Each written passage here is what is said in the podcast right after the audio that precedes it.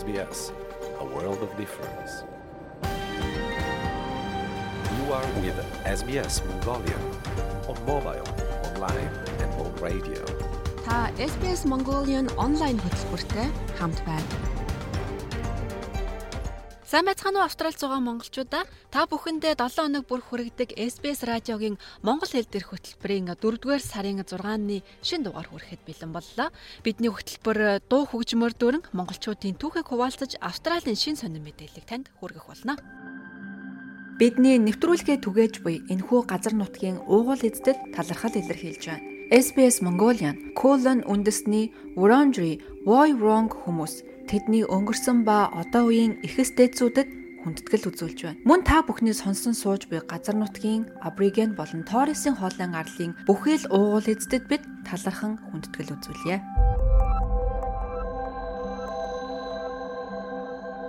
Ингээд бүтэн цагийн туршид хамт байцгаая. Танд хүрэхээр бэлтгэсэн нэвтрүүлгийн хураан говьг одоо танилцуулъя. Австралид ихтэйд сургуульд сураад төгссөн хүмүүст Австралийн засгийн газраас 485 буюу төгсөгчдийн визийг олгодог. За энэ 7 дугаар сарын 1-ээс хэрэгжиж эхлэх нэг өөрчлөлт бол Австралид бакалаврын зэргээс дээш төвшөнд сурсан хүмүүст нэмж 2 жилийн визийг олгох боломжтой болж байгаа юм. Өөрөөр хэлбэл өмнө нь бакалаврын зэрэг төгсөөд 2 жилийн 485 виз авдаг байсан бол үүн дээр нэмээд дахиад 2 жил өгнө. Энэ нь нийт 4 жилийн виз авах боломжтой болно гэсэн үг юм. За энэ өөрчлөлтийн талаар бид цагаачлалын лицензтэй зөвлөх заяатаа уулзаж бүрэн тайлбарыг авсан байгаа.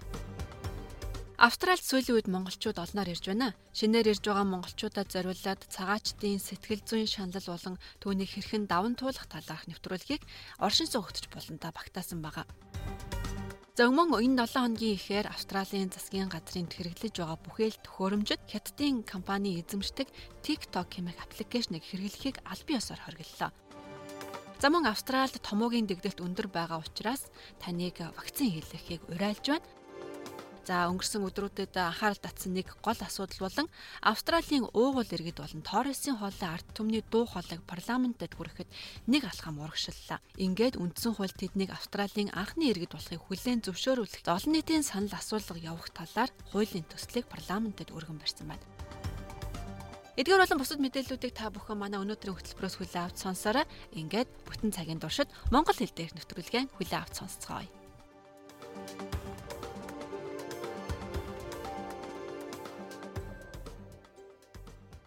Та SBS Монгол нэвтрүүлэгтэй хамт байна.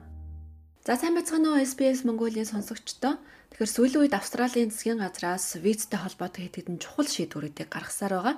Австралид сураад төгссөн хүмүүст олгодог төгсөлтийн дараах виз гэж одоо бидний нэрлэдэг 485 за мөн ковидын виз гэж нэрлэдэг байгаа 408 гэсэн визтэй холбоотой шийдвэрүүдийг бид онцлон ярилцах гэж байна. За яг Австралид амьдардаг монголчуудын хувьд мэдүүлдэг гол виз учраас бид энэ өөрчлөлтийг мэрэгжлийн үнээр тайлбарлуулахаар яриагаа эхлэж байна. За манай өнөөдрийн зочноор Moz Visa Service агентлагийн захирал цагаачлалын лицензтэй зөвлөх Заяаг урьсан юм аа. Тэгээ Заягч яг одоо Сидней хотоос бидэнтэй ярилцахаар бэлэн болоод байна. За сайн байна уу Заягч таны өдрийн мэндийг хүргэе. За өглөөний минь тодорхой ойр дуулцсангүй. Тэгээ энэ удаа та бид хоёрын ярилцах гол сэдв болвол энэ 485 болон 408 визтэй холбоотойгоор өөрчлөлтүүд гарсан. Энэ нь одоо бас хэдхэн сарын дараа хэрэгжиж эхлэх гэж байна. Ер нь ягаад энэ шийдвэрийг гаргахаар болвоо? Ер нь мэрэгжлийн хүний хувьд энийг юу гэж тайлбарлаж хүмүүст ойлгуулах вэ? Яагаад ер нь ингээд ийм өөрчлөлтүүд гарч байна гэдэг дээр би нэг богинохон хариулт хэлье.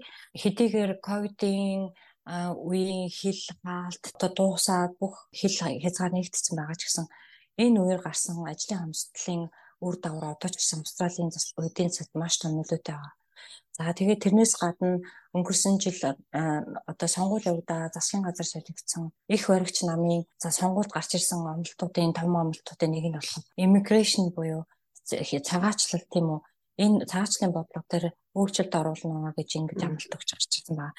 Тэгэхээр яад бол уртлын засгийн газар дээр болохоор газрын үед болохоор визний хатууч анги бодлого нэлийн тэр чигээр явагдаад байсан. А тэрнтэй холбоотой маш олон английн визнүүд удаан гардаг боловсрол хэдэн жилээр явагдаж байгаа.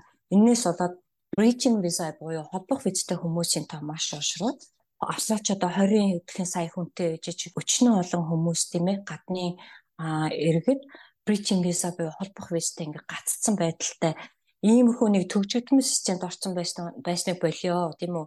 А ер нь австралийн засгийн газрын бодлого болохоор гадны ажиллах хүчнийг тийм ингээ bridging base-тэй ингээ төгжөөд байхгүйгээр нэг бол байнгын виз нэг бол temporary буюу төр визийн өгөөд ажиллах хэрэгтэй визийн өгөөд тодорхой хугацаагаар ажилуулдаг байя.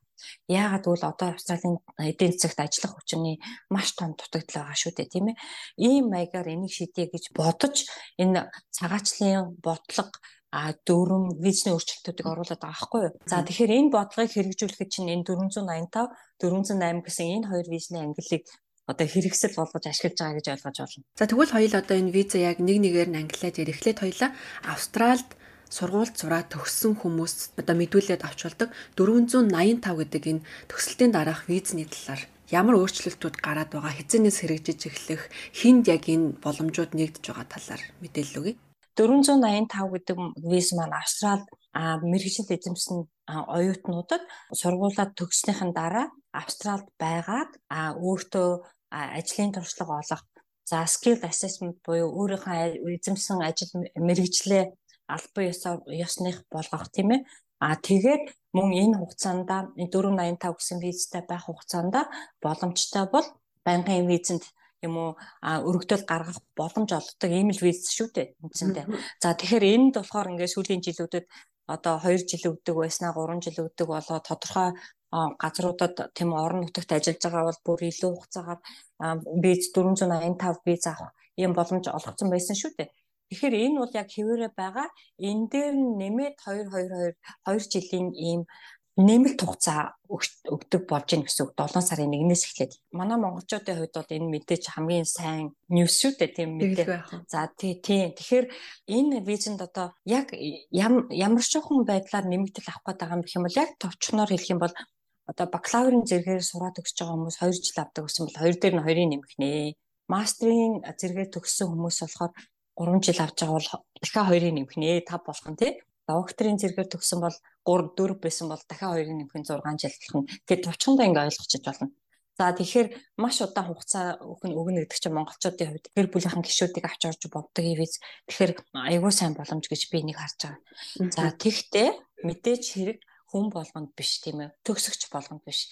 За энэ дээр юу анзаарч явах хэрэгтэй гэх юм бол 485 чин дотор хоёр урсгалтай байгаа. Тэгэхээр post studies гэсэн урсгалаар нь орж байгаа хүмүүст ингэж авах боломжтой. За тэгээд тэгэхээр study гэхээр юу гэхээр заавал higher education буюу бакалавр, мастер, доктороор төгссөн хүмүүс гэж ойлгож болно тийм ээ. За тэгээд тэрнээс гадна хэрвээ чи бакалавр юм уу мастераа төгсөн бол одоо эдгээр чинь дахиад нэг EQL гэдэг тийм үү шаардлагатай мэрэгчлүүдийн бас чагсаалт гаргацсан байгаа. Энэ ангилалда зориулаад энэ мэрэг листэн дээр чагсаалтан дээр байгаа мэрэгчлэлээр төгсөж байгаа хүмүүс гэж ойлгож болно. За энэ дээр бол мэдээж хэрэг тийм үү хүн болгон мэдж байгаа а эрүүл мэндийн салбарын тийм үү боловсролын салбарын инженер техникийн салбарын гэх мэт маш олон мэрэгчлүүд байлаа. Гэхдээ одоо тухайн оюутан одоо хэрвээ чи сураад төгсөх гэж байгаа бол миний мэрэгжил байна уугүй гэдэг харах хэрэгтэй. За тэгвэл одоогийн байдлаар энэ нь болохоор өөрчилсөн байдлаар гарсан байгаа лист яг 7 сарын 1 дээр эцсийн байдлаар гарсан шүү дээ тийм.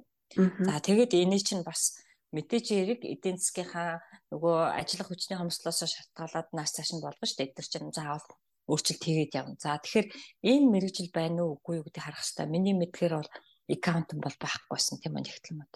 За тэгээд хин хин энэ ангиллаар орж болох вэ гэдэг дээр 2023 оны 7 сарын 1-ний байдлаар тийм үү нэгнээс хойш өргөдөл гаргах оюутнууд төгсөж байгаа оюутнууд айскул 23 оны 7 сарын 1-ний өдрөөс хойш ийм 485-ын пост стади гэсэн урсгалаар 485 визтэй байгаа хүмүүст энэ зүйл хамаарна гэсэн. Энэ нэмэгдэл 2 жилийн нэмэгдэл. За тий. За тэгэхээр шинээр гарах гэж байгаа эсвэл 7 сарын 1-ээс 480-тай 85-тай байгаа хүмүүс энэ 2 жилийн нэмэгдэл авчрах нэ гэж ойлгож болно шүү. Аа тэгээд энэ 485 дээр болохоор ингээ 2 жилийн визний сонголт өгч байна. За тэгээд тэрнээс гадна тийм үү 485 гэсэн визтэй хүмүүс ковидын хил хаацуугаар байсан тийм ээ. За тэгэхээр тэр үеийн нь болохоор 2020 оны 2 сараас 2 сарын 1 гэж би бодож байна. 2020 оны 2 сарын 1-ээс 2021 оны 12 сарын дунд хүртэл гэдэг нь одоо 12 сарын 14 мөлөө 15 14 шиг санаж байна. Энэ хугацаанд Австралид байсан тэр үедээ 480 та байсан хүмүүс гаргаж болно гэсэн.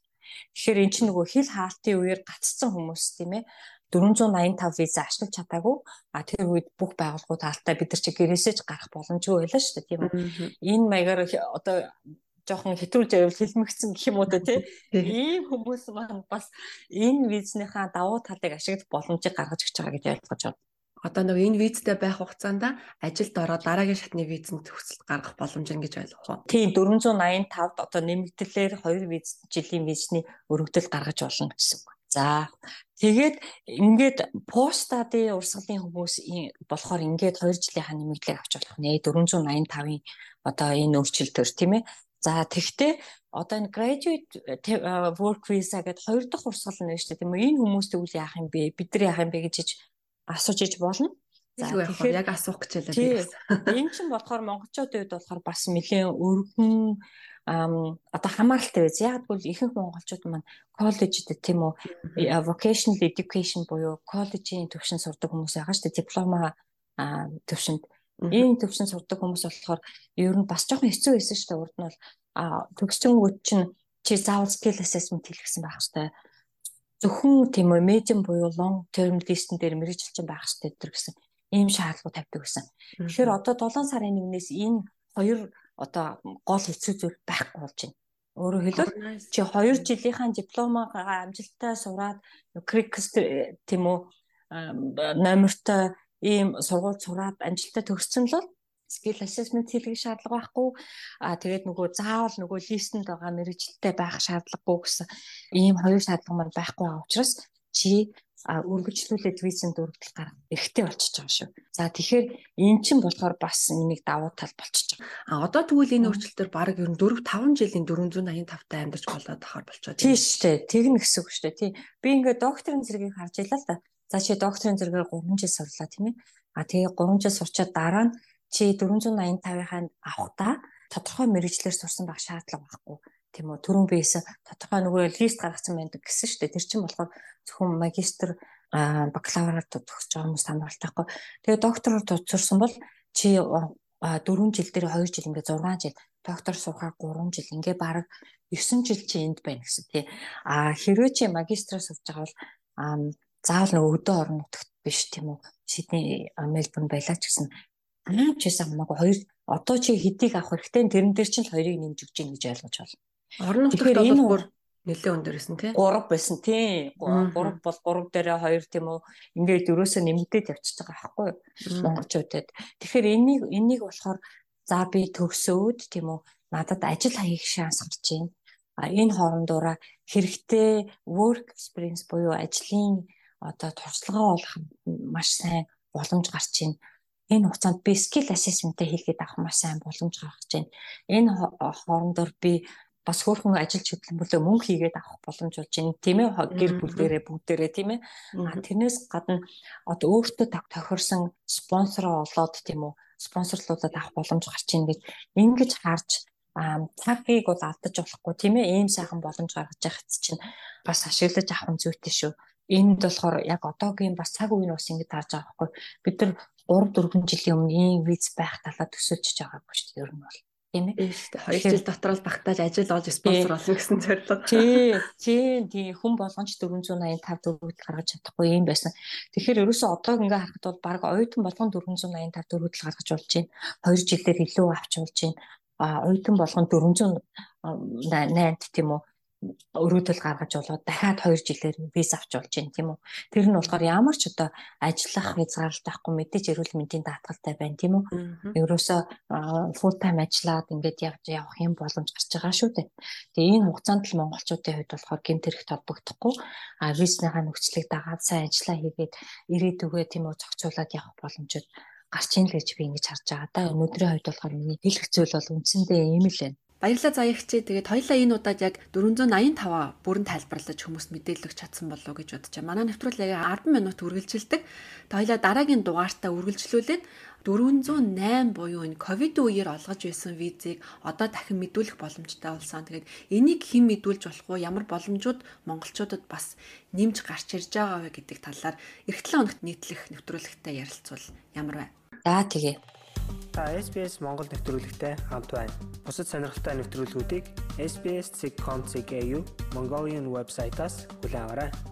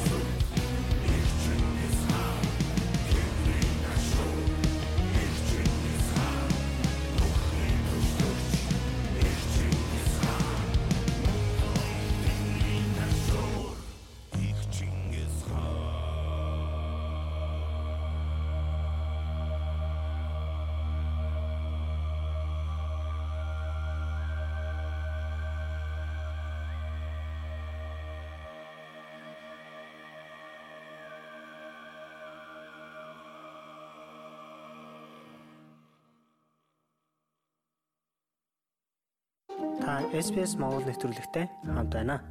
Парламентэд дуу хоолой санал асуулга явуулах тухай хуулийн төслийг Камберад дахь төлөөлөгчдийн танхимд өргөн мэдүүллээ. Энэхүү хуулийн төслөө нь парламентэд санал болгож байгаа дуу хоолойг үндсэн хуульд тусгах хэсэг Австралийн уугуул иргэд болон Торресын хоолойн ард иргэдийг Австралийн анхны ард түмэн гэж албан ёсоор хүлээн зөвшөөрөх эсэх талаар санал өгөх бүх нийтийн санал асуулга явуулах тухай юм а. SBS Монгол нэвтрүүлэг таны гар утас болон цахим хуудасд нийлдэхтэй байна.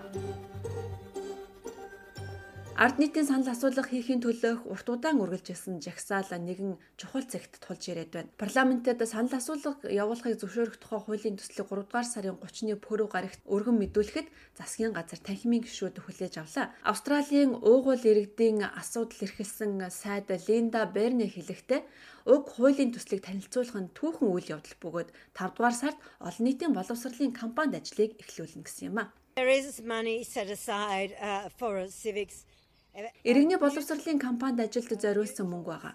Энэ 5 дугаар сарын аль нэг өдөр энэ ажил эхлэж Австрал даяар Австралийн нийгэмлэгүүд манай үндсэн хуультай гэдгийг ойлгох юм.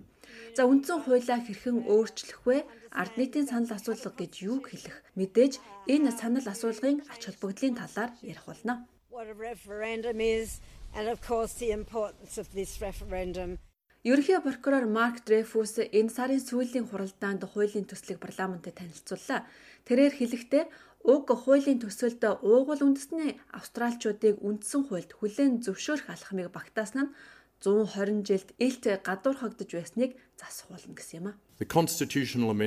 This хуулийн төсөлд оруулсан үндсэн хуулийн нэмэлт өөрчлөлт нь Австралийн эрх зүйн баримт бичигт 120 гаруй жилийн туршид илт гадуурхагдж байсныг засч залруулах болно. Үндсэн хуульд хизээч уугуул иргэд болон Торресын хоолойн арлын арт түмнийг энэ улсын анхны арт түмэн гэж хүлээн зөвшөөрөөгүй. Тэд холбооны үндсэн хуулийн конвенцэд оролцоогүй юм а. Үүнд эргэлзэж байгаа сонгогчтой харилцахын тулд илүү сайн ажиллах шаардлагатай гэдгийг Камбера дахь Voice-ийн дэмжигчид хүлээн зөвшөөрч байна. Хотын уугуул иргэдийн эрүүл мэндийн хүрээлэнгийн Натан Апо хэлэхдээ тэд Voice-ийн талаар хуурамч мэдээлэл тарахаас зайлсхийх хэрэгтэй гэлээ. Бидний талаар утга учиртай яриа өрнүүлж мэтгэлцэн хийх арт түмэн болон олон нийт рүү буруу ташаа мэдээлэл өгөхгүй байхад бодит хариуцлагатай байх болно. Сөрөг хүчний удирдагч Питер Дэйтон хуулийн төслийг танилцуулахад байлцаагүй. Түүний нам маргаан дэгдэж Voice-ийн эрх мэдлийн цар хүрээнээс болгоомжилж байгаа. Тэрээр 2 GB радиод ярилцлага өгөхдөө өөрийн энэ үзлээ илэрхийлжээ. Хэрвээ энэ дээд шүүхтэр хэдэн жилээр гацаж бас одоо аль хэдийн хангалттай удаашрч хаад байгаа засгийн газрын механизмыг удаашруулж бизнес эрхлэх зардал дээр олон тэр бум доллар нэмбэл энэ бүхэн эргээд татвар төлөгчдөд л дамжиж ирэх болно.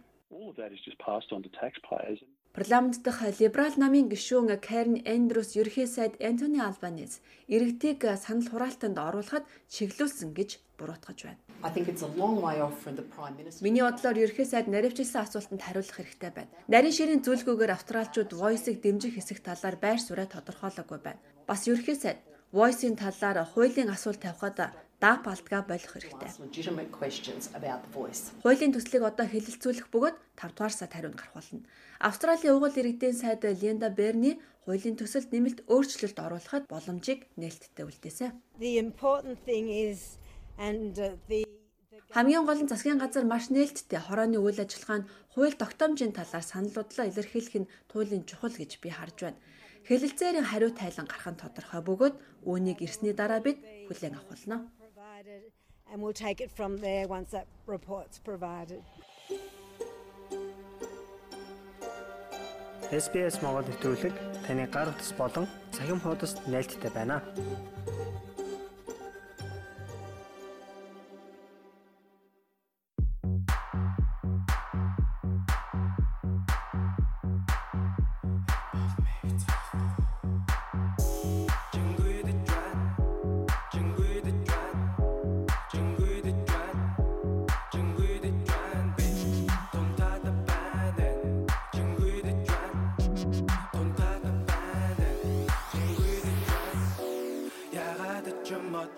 Юм тавширлыг мэдэрч байна. Агаар мантлаас огтургуй царыг хитэж байна. Тэн Хөгжмөө чангалаад биес суллаад нүдэ анаад хэвт Амсаага гүн аваад гарах юу мэдэрч байна. Чи Чингүй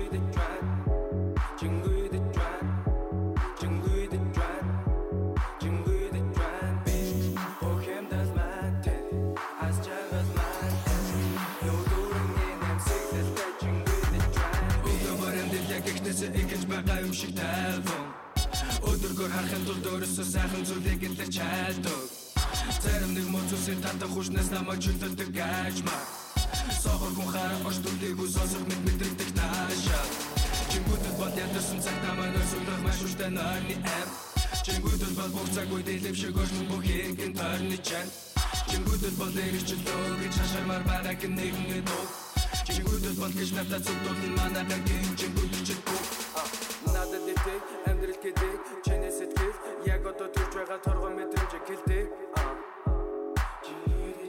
Надад дэдэг амьдрал гэдэг чиний сэтгэл. Яг одоо төрж байгаа торгон мэдрэмж гэлдэг Цаг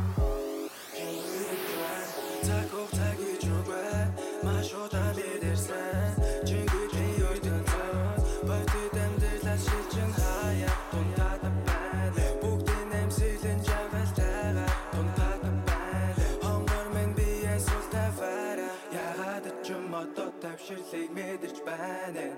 Агаар мантлаас огтургуй царыг хитэж байна. Хөгжмөө чангалаад бие суллаад нүдэ анаад хэвт Амсаага гүн аваад гарах юу мэдэж байна. Чи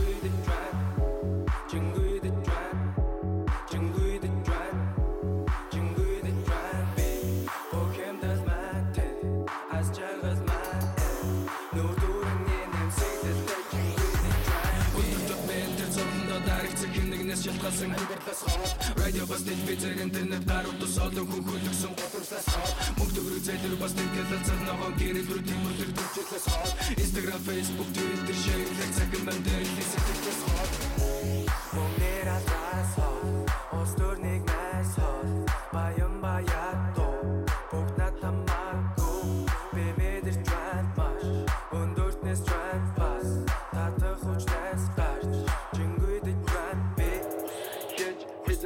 хэлээгүй тийм Бич хэлж огт болоогүй нүд түүний. Цаад ертөнцийг хайр түүний. Чихэн нүдрийг зөв ойлгон өөрийгөө хэн байх Ёсогоо төсөөлөлтэй дэд сэрэн. Мэдрэмжээ мэдрэхэд мэдэрдэг мэдрэмж. Цаг хугацаа гэж үгүй. Маш удаан бидэрсэн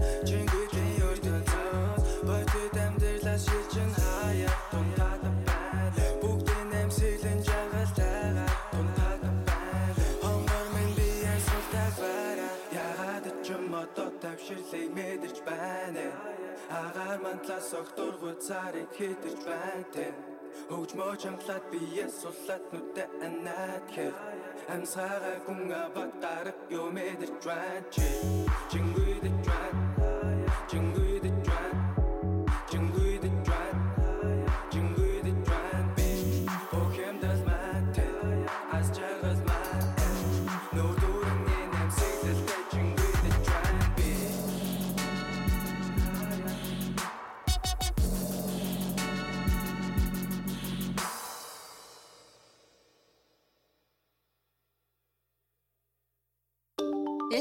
Mongolian онлайн хөтөлбөрт тавтай морил. Бидэнтэй холбоотой байгаарай. Танд хэрэгтэй Австралийн мэдээ ярилцлагууд энд байна. sbs.com.au/mongolian-аар орж манай подкастуудыг онлайнаар хаанч явсан сонсож болно. Та хаанч байсан гэртээ байгаа мэд тухлаарай.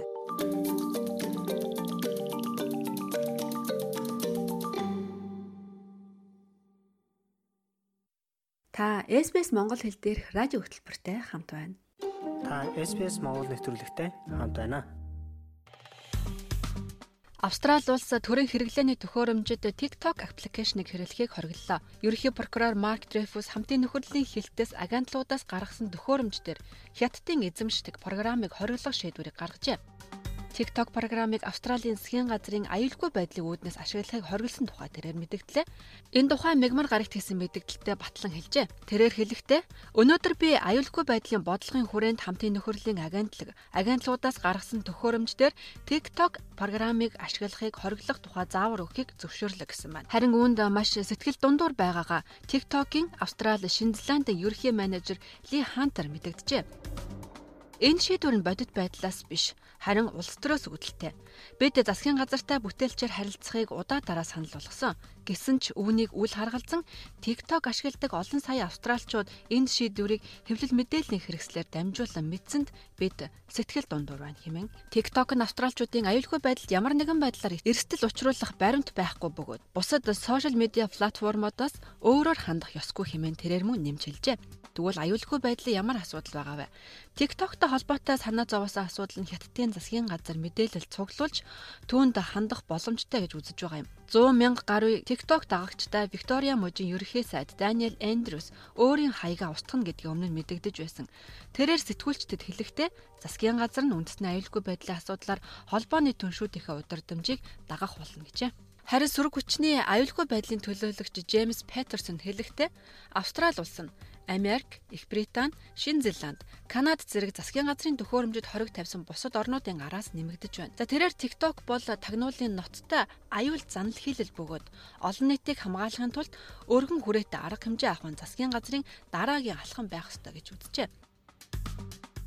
Гэвч ногоо намын сенат Дэвид Шоубридж засгийн газрын шийдвэр нь энэ асуудлыг гол санаагаа орхигдуулсан За мэдээллийн аюулгүй байдлын асуудал тулгараагүй гэж үзэж байгаа юм байна. TikTok-ийн мэдээллийн аюулгүй байдлын асуудал нь бусад сошиал медиа платформ дээр тусгагдсан байдаг. Ялгаа нь манай засгийн газар эдгээр платформуудыг байршуулдаг засгийн газруудын эсрэг кампанид ажил явуулахгүй байгаа юм гэж мэдэгджээ.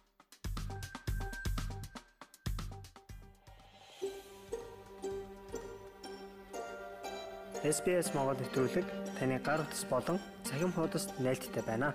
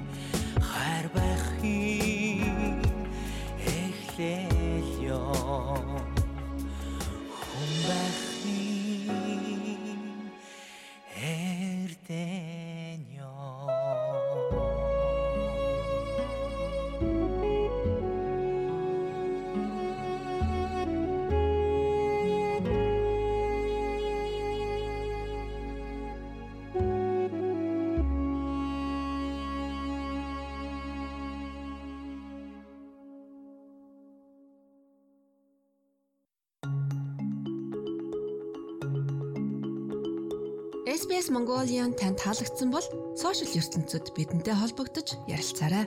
Манай Facebook хуудасаар орж ертөнцийн төмөн өнгийг гэрэлтүүлсэн өргөө герт маань зочлоорой. Найзуудтайгаа бидний түүхийг хуваалцаж тэдэнтэй амьдралаа ярилцсан холбоотой байгаарай. Та биднийг Facebook-ээс SBS Mongolian гэж хайгаад олох боломжтой. Та SBS Монгол нэвтрүүлэгтэй хамт байна.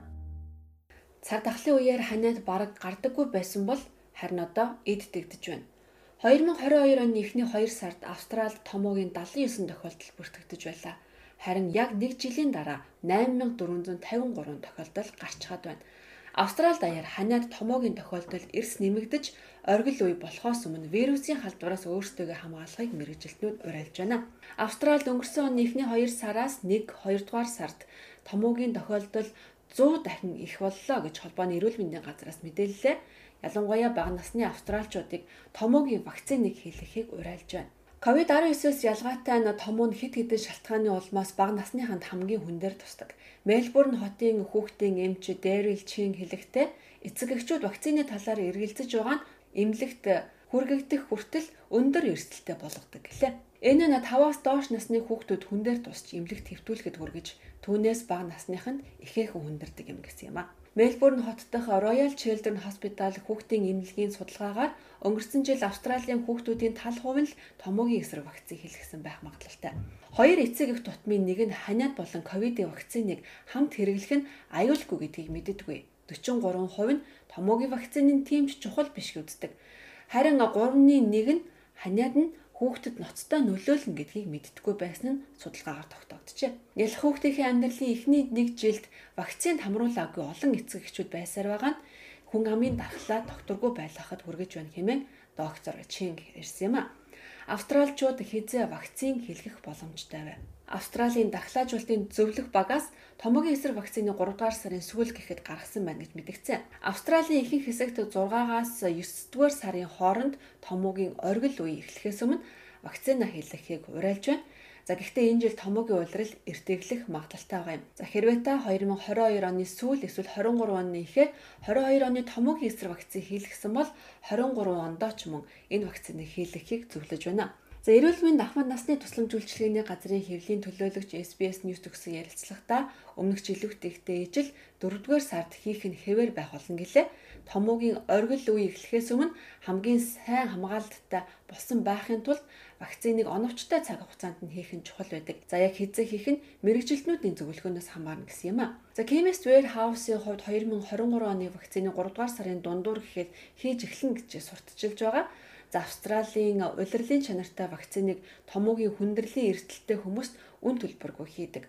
Үүнд жирэмсэн хүмүүс 65 ба түүнээс дээш насны хүмүүс Абориген болон Торресын хоолны арлын иргэд бага насны хүүхдүүд үн төлбөргүй хийлгэх хэрэгтэй.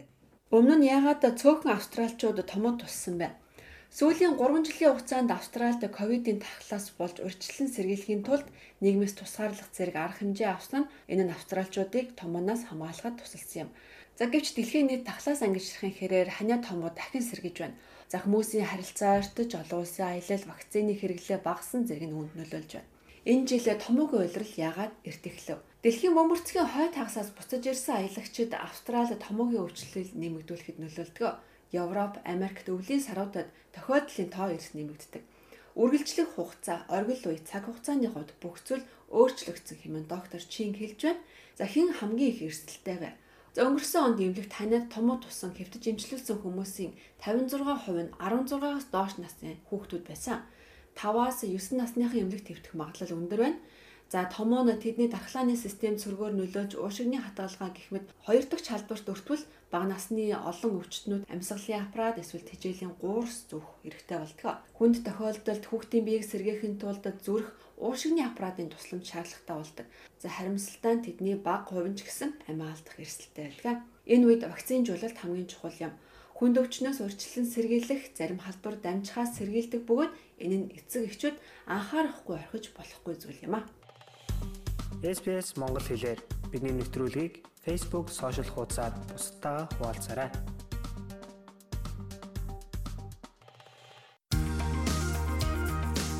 Англи хэл сурах нь таны амьдралыг өөрчилнө.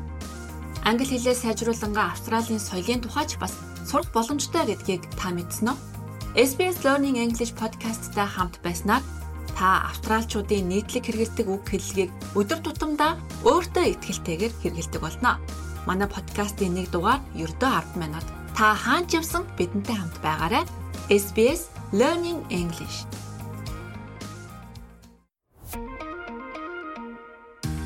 Learning English helps me to speak with confidence about politics. Hi, you are listening to the SBS Learn English podcast, where we help Australians to speak, understand, and connect. My name is Josipa, and like you, I'm learning not just the English language, but also about Australian culture. And this week, I've been getting into politics so we can learn how to talk with confidence about elections and voting in Australia. Let me remind you that we have learning notes, quizzes, and transcripts on our website, so you can keep learning after listening to this episode.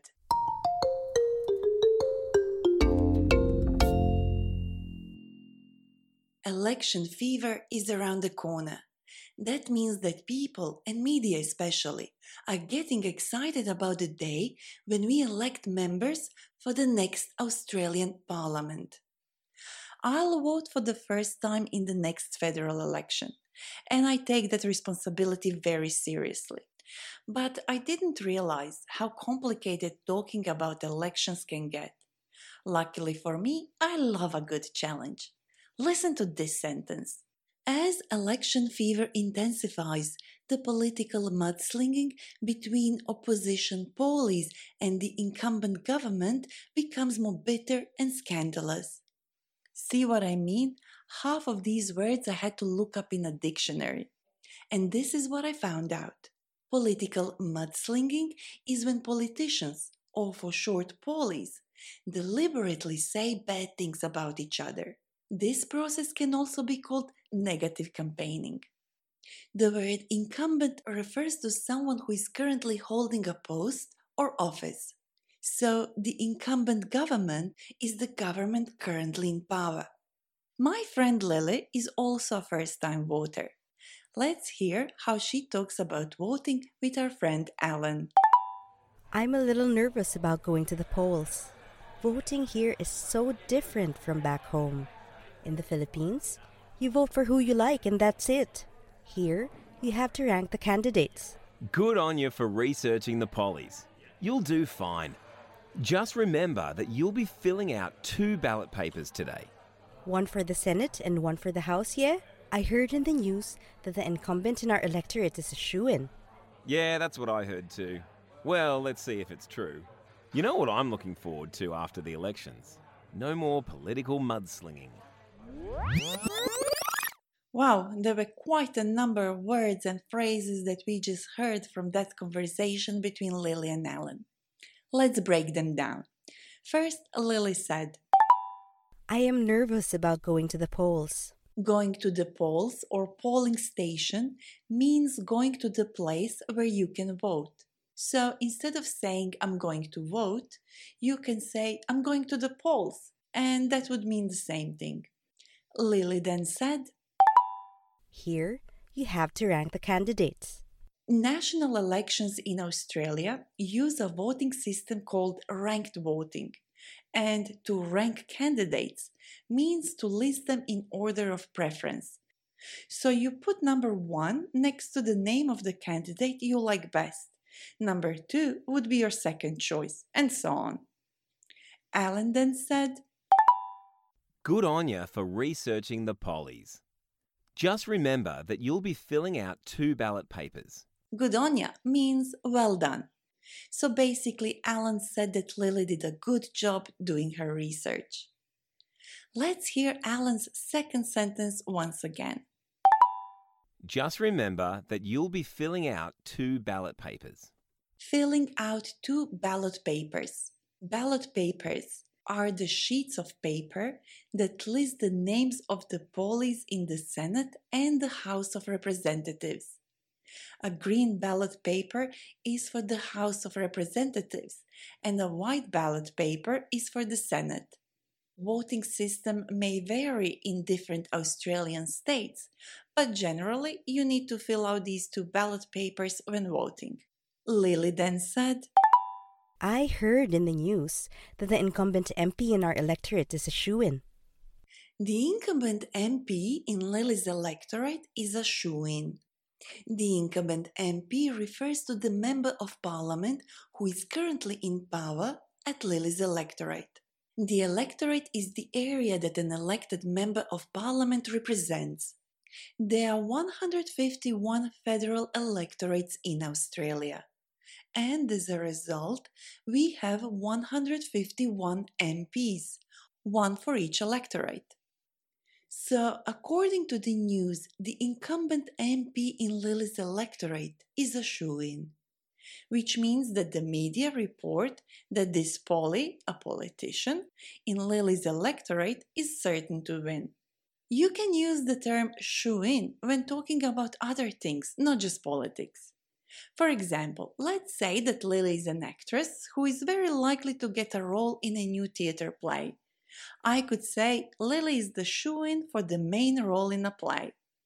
That means that Lily has a great chance of getting the leading role.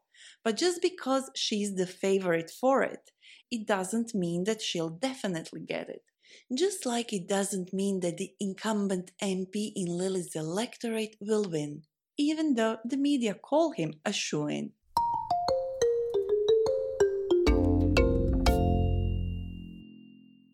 Now, let's imagine that Lily and Alan are at the polling station and they have just voted. You've exercised your right to vote, Lily. How do you feel now? I feel great. My vote matters. I feel very proud that I have voted. Well, it can take up to 10 days for votes to get counted. But you know what we can do now? We can go get a democracy sausage at the sausage sizzle. All of a sudden, exercising has something to do with voting, and there is a thing called democracy sausage. Oh well, let's hear these phrases once again. First, we have Alan. You've exercised your right to vote. While we know that typically exercising has something to do with fitness, exercising here means using our right to vote. So you can say, I exercised my right to vote. Lily then said, My vote matters. I feel very proud that I have voted. Lily said that her vote matters, and she is right because every vote can affect the result of an election, and it will determine who will form the next government. We also heard Lily saying that she is proud to have voted. Another expression you can use to say that you are going to vote in an election is I'll cast my ballot. The word cast can be tricky because it means a lot of things. But in this particular context, to cast a vote means to put your vote in.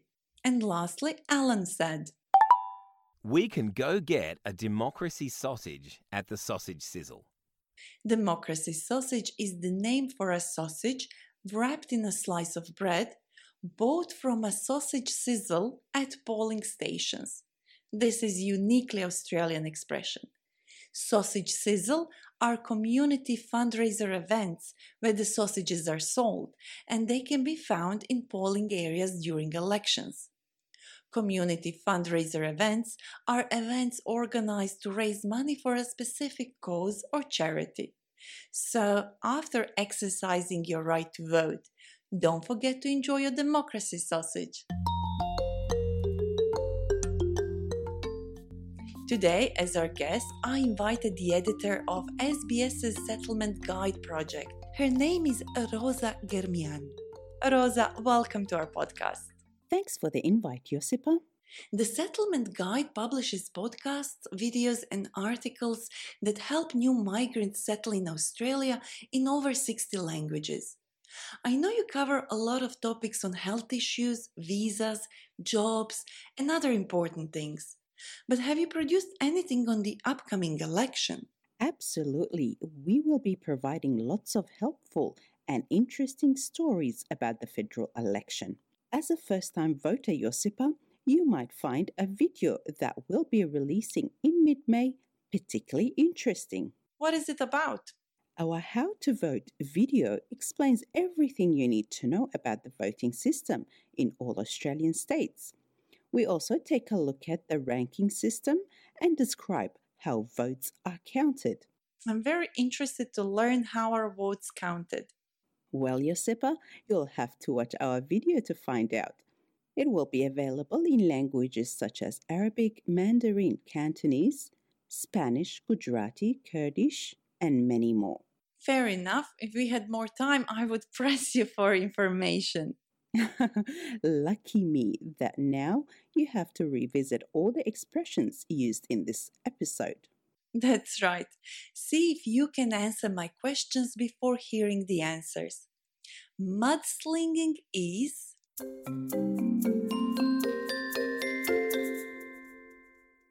Mudslinging means saying negative things about an opponent during a political campaign, also known as dirty politics. The word incumbent means.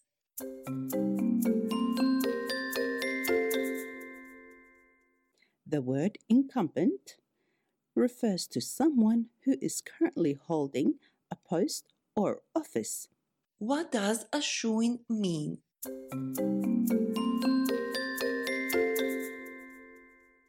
We say that someone is a shoe in when we talk about someone very likely to win a contest or a competition. We heard some different ways to say that you will vote. I'll exercise my right to vote. I am going to the polls. I'll cast my vote. I'll cast my ballot. I'll fill out ballot papers. We also heard some phrases that might help us talk about the election with confidence. In Australia, you have to rank the candidates. Good on ya for researching the pollies. My vote matters. I heard that the incumbent MP of our electorate is a shoe in. I'm proud that I voted.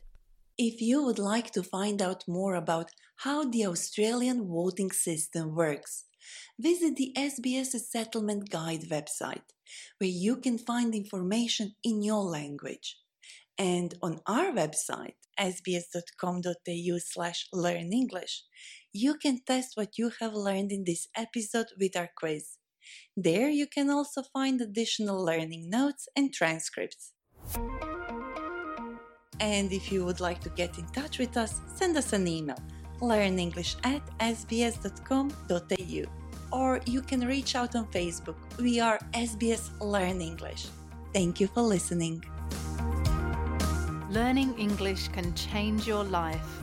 Subscribe so you don't miss an episode and visit our website for learning notes and transcripts. Англи хэл сурах нь таны амьдралыг өөрчилнө. Та хэлээ сайжруулангаа Австралийн соёл, амьдралын хэв маягийн тухай SBS Learning English-с сураарай. Манай подкастыг хаач явсан сонсож болно. SBS радиогийн монгол хэл дээрх хөтөлбөртэй хамт байсан танд баярлалаа. Эх 7 хоногийн пүрэв гарагт 2 цагт эргээд уулзцагаая. Түр баяртай.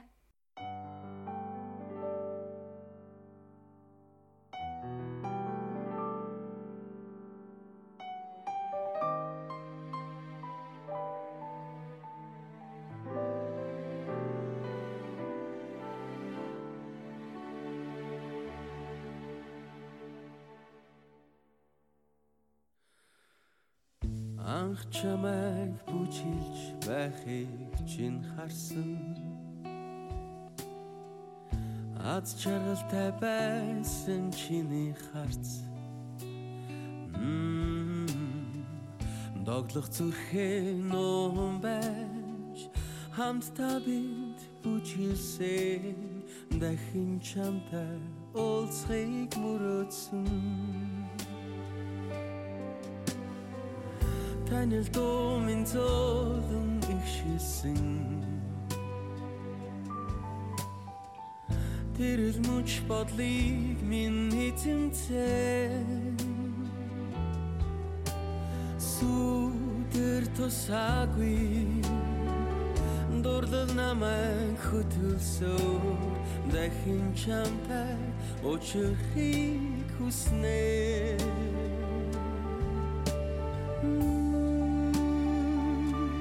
凄迷。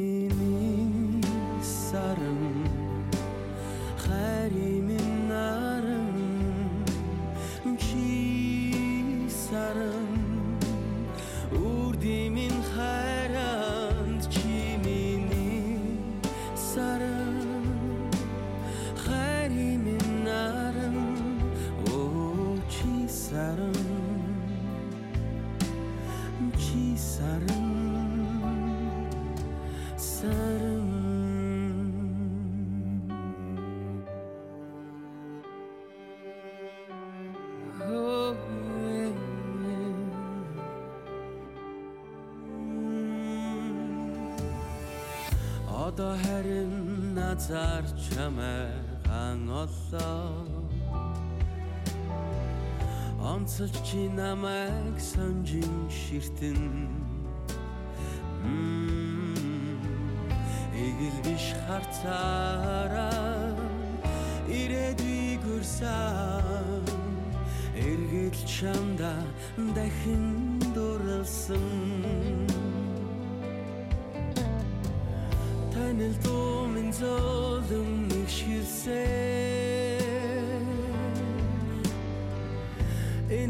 Энэ л мөч бодлыг минь эзэмсэн Сүдэр тусаагүй. Дурлал биднийг хөтөсөөр Үрд чамаагаан хайрлахыг хүснэ. Oh